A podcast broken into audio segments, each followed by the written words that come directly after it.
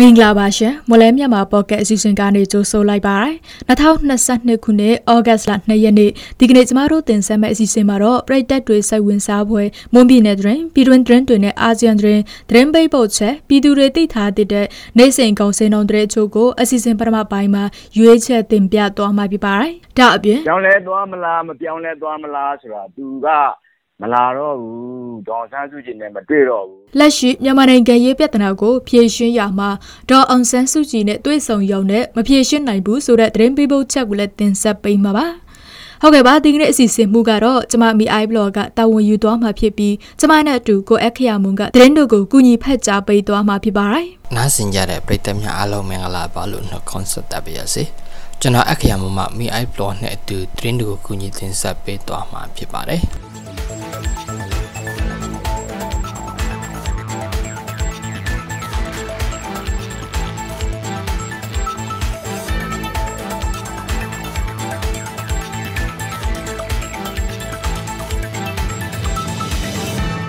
အသက်ပြေးဆွဲနေတဲ့မော်လမြိုင်ရန်ကုန်အမှတ်82အစုံမြေရထားပြီးခဲ့တဲ့နှစ်ရက်ကမိုင်းဆွဲခင်ခဲ့ရကြောင်းဘီလဲမြို့နယ်တောင်ဝန်းပူတာမှဆက်လက်ထွက်ခွာလာချိန်မှာမိုင်းဆွဲခင်ခဲ့ရတယ်လို့မြမအမိရထားနဲ့နီးစပ်သူတို့ကပြောပါတယ်။အဲ့ဒီယထာလန်မိုင်းဆွဲမှုကိုဒေရအခြေဆိုင် KNU နဲ့ PDF ပူပေါဖွဲ့ကပြုလုပ်ခဲ့တာလို့လူမှုကွန်ရက်စာမျက်နှာတွေမှာရေးသားဖော်ပြနေကြပါတယ်။ မိုင်းပေါက်ကွဲမှုကြောင့်ယထာတန်လန်ပြတ်ထွက်ကအမှတ်နှစ်ရိုးရိုးတန်းယထာတွေလမ်းချော်ကြခဲ့ပေမဲ့လည်းထိခိုက်မှုမရှိဘူးလို့သိရပါတယ်။ဒါဝန်းပူတာအထက်ယထာလန်ပိုင်းပျက်စီးသွားတာကြောင့်ပြင်ဆင်မှုတွေချက်ချင်းလှုပ်ဆောင်ခဲ့ရတယ်လို့သိရပါတယ်။ပြီးခဲ့တဲ့ဖေဖော်ဝါရီလအတွင်းကကြိုက်ထုံမြို့နယ်မယန်းကျေးရွာမုတ်ပလင်ဘူတာနဲ့ကြိုက်ကတာဘူတာကြားကရန်ကုန်မော်လမြိုင်ရထားလန်ကိုမိုင်းထောင်ဖောက်ခွဲဖျက်ဆီးခံရတဲ့ဖြစ်စဉ်တွေလည်းရှိခဲ့ပါတယ်။ကျင်းမီရောမြို့နယ်အသရာမြစ်တစ်ဖက်ကန်းက ပြည်သူ့ကာကွယ်ရေး PDF ပူးပေါင်းတပ်ဖွဲ့တွေရဲ့စခန်းတစ်ခုဝင်ရောက်စီးနင်းတိုက်ပိုက်ခိုင်းလိုက်ရတယ်လို့မော်လမြိုင်ပြည်သူ့ကာကွယ်ရေးအဖွဲ့ကထုတ်ပြန်ပါတယ်။ပြီးခဲ့တဲ့၃ရက်ကမော်လမြိုင်ပြည်သူ့ကာကွယ်ရေးအဖွဲ့နဲ့စွန်ရဲမြို့ပြပျောက်ကြားပူးပေါင်းတပ်ဖွဲ့တို့ရဲ့အခြေစိုက်စခန်းတစ်ခုကိုစစ်တပ်တွေကဝင်ရောက်စီးနင်းတိုက်ပိုက်ခဲ့တာဖြစ်ပြီး PDF ရဲဘော်2ဦးနဲ့အသက်မပြည့်တဲ့အယက်သားကလေးငယ်တို့ဖမ်းဆီးခံလိုက်ရပါတယ်။ စခန်းတိုက်ပိုက်ခံလိုက်ရပြီးနောက်ဆက်တွဲအနေနဲ့ PDF ရဲဘော်2ဦးထပ်မံဖမ်းဆီးခံလိုက်ရပြီးလက်နက်ခဲယမ်းတွေနဲ့ဆက်ဆက်ပစ္စည်းတွေကိုလည်းတင်ဆက်ခံခဲ့ရပါတယ်။စစ်တပ်ကတော့ PDF စခန်းဝင်ရောက်စီးနင်းရမှာမိုဘိုင်းဖုန်းတစ်လုံးနဲ့တူလက်ပစ်ပုံနှလုံးရှေ့ထွက်မိုင်းအတန်မိုင်းလက်လုံမိုင်းတွေပြင်ရှော့တက်ရအသုံးပြုရတဲ့ဘက်ထရီအိုးနဲ့ရီမုတစ်ခုအပါအဝင်ရန်ကျူရန်မောင်ပါဆက်ဆက်ပစ္စည်းတွေကိုလည်း သိမ်းပိုက်ရရှိခဲ့တယ်လို့ထုတ်ပြန်ထားပါတယ်။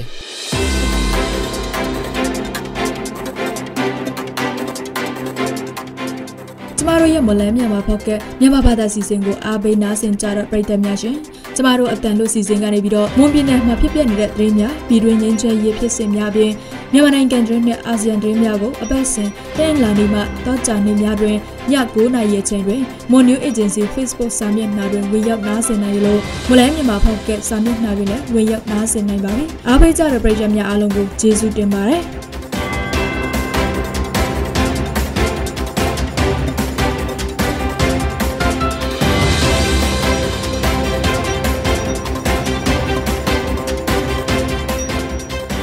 တမ်ပြူစီယမြို့မှာရှိတဲ့မဟာမိတ်စစ်တင်ကြိုင်တွင်ပြီးခဲ့တဲ့၃ရက်ကဥယျာဉ်မှုတူဓာတ်လိုက်တေဆုံးမှုဖြစ်ပွားခဲ့တယ်လို့သိရပါတယ်။ဓာတ်လိုက်တေဆုံးကတူကတမ်ပြူစီယမြို့ဂျာဂဲရက်ကွက်မှာနေထိုင်တဲ့ဥမျိုးသက်64နှစ်ဖြစ်ပြီးစစ်တင်ကြိုင်ဥယျာဉ်မှုအဖြစ်လောက်ကင်နေသူတူဖြစ်ပါတယ်။စစ်တင်ကြိုင်အလယ်မှာဝယ်လက်တကြွယ်မီးကျုံပေါက်ပြဲတန်ရခြေချောင်းလက်ချောင်းများကောက်ကွေးနေပြီးပြင်ပတန်ရသဆုံးတရားမတွေ့ရှိရဘဲဓာတ်လိုက်တေဆုံးနေတာကိုတွေ့ရတယ်လို့မြို့ခံတူကပြောပါတယ် ဒေဆုံးတူဦးမျိုးတက်ရဲ့အလောင်းကိုဒံပြူစီယမြို့ကလူမှုကယ်ဆယ်ရေးအဖွဲ့မှဒံပြူစီယမြို့နယ်ပြည်သူ့စေယုံကိုပို့ဆောင်ပေးခဲ့ပါတယ်။ဦးမျိုးတက်တေဆုံးခဲ့မှုနဲ့ပတ်သက်ပြီးတက်ဆိုင်ရာကတေမှုတေကင်းဖွေးလက်ကစုံစမ်းစစ်ဆေးနေတယ်လို့သိရပါတယ်။စေဝါပစ္စည်းတွေထဲမှာ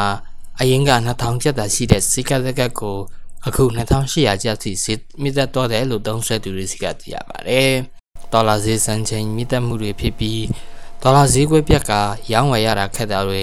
ဗဟိုဘဏ်ရဲ့ဒေါ်လာဈေးကန့်သက်ထိန်းချုပ်မှုတွေကြောင့်စေဝါတင်သွင်းရမှာခက်ခဲဖြစ်လာပြီးစေဝါဈေးတွေမြင့်တက်လာခြင်းဖြစ်တယ်လို့တချို့စေဝါပစ္စည်းတွေဆိုရင်ပြက်လက်မှုရှိနေတယ်လို့စေဝါပစ္စည်းတင်သွင်းဖြန့်ဖြူးရောင်းချသူတွေကနေသိရပါတယ်။လက်ရှိလက်လီလက်ကရောင်းဆိုင်ကြီးတွေမှာတော့စေဝယ်သူတွေကပုံမဝယ်ယူနေတာမျိုးတွေ့ရပြီးစေပစ္စည်းတွေကလည်း2000တန်စိကတ်တကတ်ကို800ကျပ်တက်သွားတယ်လို့ 1800တန်စိကတ်တကတ်ကို2300ကျပ်ထိတက်သွားကစေပစ္စည်းအမျိုးမျိုးလိုက်စေးတက်နေပါတယ်။စေဝါတင်တင်ခွေဆိုင်ရာလိုင်စင်တွေကိုတော့စေဝါရေးနဲ့ကုသရောင်းဝယ်ကြီးဝင်ကြီးဌာနကအဓိကဆောင်ရွက်နေတာဖြစ်ပြီးစေဝါပစ္စည်းတွေဈေးနှုန်းမြင့်တက်နေမှုနဲ့ပတ်သက်လို့ထန်းကြီးဘုတ်ကတော့ဌာနတစ်ခုတည်းလှုပ်ဆောင်လို့မရဘူးလို့လဲကျမ်းမာရေးဝန်ကြီးဌာနပြောရေးဆိုခွင့်ရှိသူဒေါက်တာတန်းနိုင်စိုးကပြောဆိုထားပါတယ် ရခိုင်ပြည်နယ်ကြောက်ဖြူမြို့ကလာဘာတောက်ရက်ွက်ရှိမြက်ကန်တိုင်ရွာမှာနေထိုင်တဲ့သူများအနေနဲ့အစီရင်တိုင်ကြားရာမှာလူဦးရေအလိုက်ငွေကြေးပေးဆောင်ရတဲ့အတွက်လက်လုံလက်စားမိသားစုများအနေနဲ့အခက်ခဲရှိနေကြပါတယ်။ကလာဘာတောင်ရက်ွက်မှာရှိတဲ့မြက်ကန်တာနေရာမှာလွန်ခဲ့တဲ့18နှစ်ကကစတင်နေထိုင်လာခဲ့ကြပြီးလက်ရှိမှာအိမ်ခြေ200ခန့်ရှိပြီဖြစ်တော့လဲ ကျူးကျော်ဟာဆိုကလူနေရက်ွက်အဖြစ်တပ်ဆိုင်ရာကတရားဝင်တတ်မှတ်ပေးခြင်းမရှိဘဲအစီရင်တိုင်ကြားနေရပြီးမိသားစုဝင်တို့ကိုတထောင်တထောင်ကျပ်နှုန်းနဲ့ကောက်ခံနေတာကြောင့်လူဦးရေများတဲ့မိသားစုတွေအနေနဲ့အခက်ကြောင်နေရတယ်လို့ရွာသားတို့ကပြောပါတယ် ဒါအပြင်ပြီးခဲ့တဲ့ဇူလိုင်လကုန်ပိုင်းက SCN ဝင်ရောက်စစ်ဆေးရမှာလဲမျိုးသား18ဦးကို SCN မတိုင်ကြားလို့ဆိုပြီးဖန်ဆီးခေါ်ဆောင်တာတွေလည်းရှိခဲ့ပါတယ်။မြန်မာနိုင်ငံမှာ2021ခုနှစ်စစ်တပ်အာဏာသိမ်းပြီးချိန်ကစကရခိုင်အပါအဝင်မြန်မာတနိုင်ငံလုံးမှာ SCN စစ်ဆေးမှုအများပြားပြန်လည်ပြုလုပ်လာခဲ့တဲ့အတွက်ပြည်သူများအနေနဲ့ယခုလိုခက်ခဲတွေ့ကြုံနေရပါတယ် ရခိုင်ပြည်နယ်မှာအစင်စစ်ဆေးမှုကိုနတ်စကကောင်စီထိန်းချုပ်ရာမျိုးရက်ကွက်နဲ့ဂျေးရွာအများမှာမကြောက်ခဏပြုလုပ်နေပြီးအစင်စစ်ဆေးမှုကိုအကြောင်းပြပြီး ULA AA တပ်ဖွဲ့ဝင်များကိုရှာဖွေစစ်ဆေးမှုများဆက်ဆက်တန်တရားရှိသူတို့ရဲ့နေအိမ်များကိုဝင်ရောက်ရှာဖွေစစ်ဆေးခြင်းနဲ့ဖမ်းဆီးမှုများကိုလည်းဆက်တိုက်ရှိနေပြီးအစင်ဝင်ရောက်စစ်ဆေးမှာကိုရခိုင်ပြည်သူတွေစိုးရိမ်ကြောက်နေကြတယ်လို့တရားခံတွေထံကသိရပါတယ်။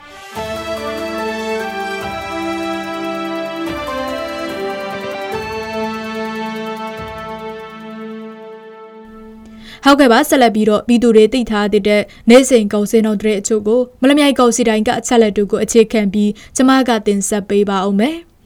ဒီကနေ့ထိုင်းနဲ့မြန်မာငွေလဲနှုန်းကထိုင်းဘတ်66တရမ93ညဝယ်ဈေးရှိပြီးတော့ရောင်းဈေးက69တရမ93ညရှိနေပါတယ် ဒေါ်လာဈေးကတော့အမေရိကန်ဒေါ်လာကိုဝယ်ဈေးမြန်မာငွေ2480ကျပ်ရှိပြီးရောင်းဈေးက2520ကျပ်ရှိပါတယ်။ရွှေဈေးနှုန်းကမီလင်16ပဲရေတစ်ကြက်သားကိုရန်ကုန်ရွှေအသင်းယနေ့ဈေးကွက်မှာ20သိန်း6တောင်ရှိနေပြီးပြင်ပပေါက်ဈေးမှာ22သိန်းအထက်မှာရှိနေပါတယ်။ဆက်သုံးစီတို့ကတော့ဒီဇယ်တလီတာကို2120ကျပ်အောက်သိန်း92တလီတာကို1830ကျပ်နဲ့95တလီတာကို1905ကျပ်အထိရှိနေပါတယ်။ စံစင်းနှုန်းကတော့အကောင့်စားပေါ်စံမွေစံသား90ကို9900ကျပ်အလဲလက်တန်ဆန်မျိုးစားပေါ်ကျွဲသည့်စံသား80ကို4100ကျပ်နဲ့အမထားဆန်တွေကတော့စံသား80ကို12500ကျပ်နဲ့စံသား90ကို16500ကျပ်ရှိနေတာပါ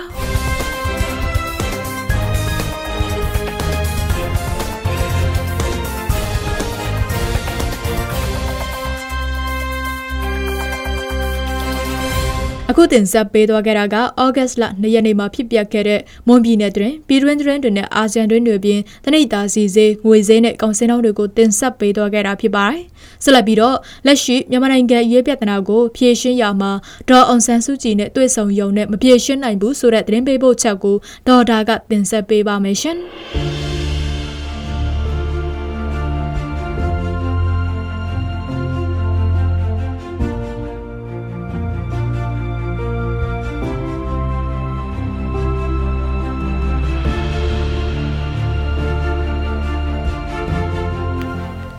လက်ရှိမြန်မာနိုင်ငံရေးပြဿနာကိုဖြေရှင်းရမှာဒေါအောင်ဆန်းစုကြည်နဲ့တွေ့ဆုံရုံနဲ့မဖြေရှင်းနိုင်ဘူးလို့နိုင်ငံရေးလှည့်လာတုံးသက်သူဦးတန်းစိုးနိုင်ကပြောပါတယ်။နာဆာကကောင်စီအနေနဲ့အာဆီယံအထူးကိုယ်စားလှယ်နဲ့ဒေါအောင်ဆန်းစုကြည်တို့တွေ့ဆုံရေးလိုက်ရောမှုတွေရှိနေတယ်လို့တစ်ဖက်မှာလည်း NUG နဲ့ဒီမိုကရေစီလိုလားသူတွေက2008ဖွဲ့စည်းပုံအခြေခံဥပဒေကိုဖျက်သိမ်းထားတယ်လို့ဦးတန်းစိုးနိုင်ကဆိုပါတယ်။အာဆီယံကိုယ်စားလှယ်ကကျွန်တော်ဒေါအောင်ဆန်းစုကြည်နဲ့ တွေ့ဖို့တောင်းဆိုတာကိုစစ်ကောင်စီဘက်ကလည်းအဲ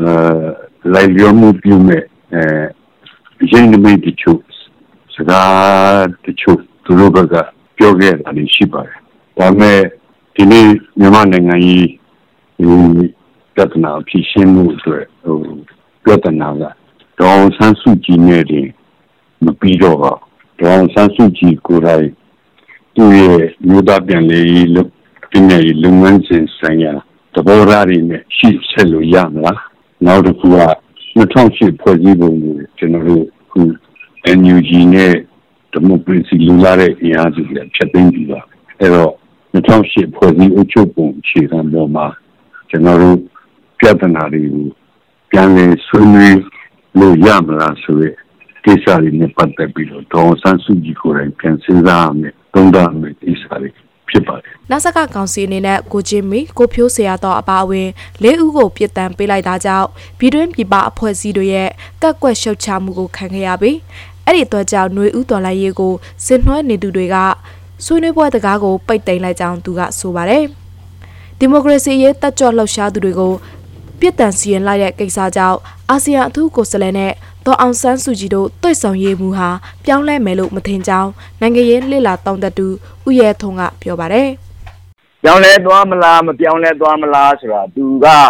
မလာတော့ဘူးဒေါ်ဆန်းစုကြည်နဲ့မတွေ့တော့ဘူးဆိုရင်အဲ့ဒါပြောင်းလဲသွားပြီပေါ့။နော်အဲသူကလာမှာသူ့စီစဉ်တိုင်းလာမှာဆိုရင်တော့သူတွေ့မှာပေါ့။အဲ့တော့ကျွန်တော်ခံမှန်းချက်ကတော့အော်ဒီကိစ္စကြောင့်တော့သူ့မူလ အဲရည်မှန်းချက်ရည်ရွယ်ချက်အတိုင်းသူလုံးမဲ့ကိစ္စအပြောင်းလဲဖြစ်မယ်လို့မထင်ဘူးကိုချင်းမေကိုဖြိုးဆရာတော်ကိုလှမျိုးအောင်ကိုအောင်သူရဇော်တို့လေးဦးကိုပြစ်ဒဏ်စီရင်ဆောင်ရွက်ပြီးစီလို့ဇူလိုင်လ25ရက်ကထုတ်ပြန်ခဲ့ပြီးနောက်ပြည်တွင်းမှာကြံဖန်မှုတွေပုံမများပြားလာမှာကိုစိုးရိမ်မှုတွေရှိနေပါတယ်။အာဆီယံထူးကိုယ်စားလှယ်ပရဆိုခွန်ကဒေါ်အောင်ဆန်းစုကြည်နဲ့တွေ့ဆုံပြီးသူမရဲ့ဩစာကိုအသုံးပြုက မြန်မာနိုင်ငံအတွင်းကအကြမ်းဖက်မှုတွေကိုအဆုံးသတ်လိုကြောင်း Channel New ASEAN အင်တာဗျူးမှာပြောဆိုထားပါတယ်ရှင်။ကျွန်တော်တို့ရဲ့မွန်လန်းမြန်မာ podcast မြန်မာဘာသာတန်လှည့်စီစဉ်ဒီမှာတင်ပြီးဆုံးပါပြီအားပေးနားတော်သားစင်ကြတဲ့ပရိသတ်များအားလုံးနောက်နေ့စီစဉ်ဒီမှာလဲဆက်လက်အားပေးကြပါအောင်လို့ဖိတ်ခေါ်ရင်းအစီအစဉ်ကိုအဆုံးသတ်ပါရစေအားလုံးကိုကျေးဇူးတင်ပါတယ်ခင်ဗျာ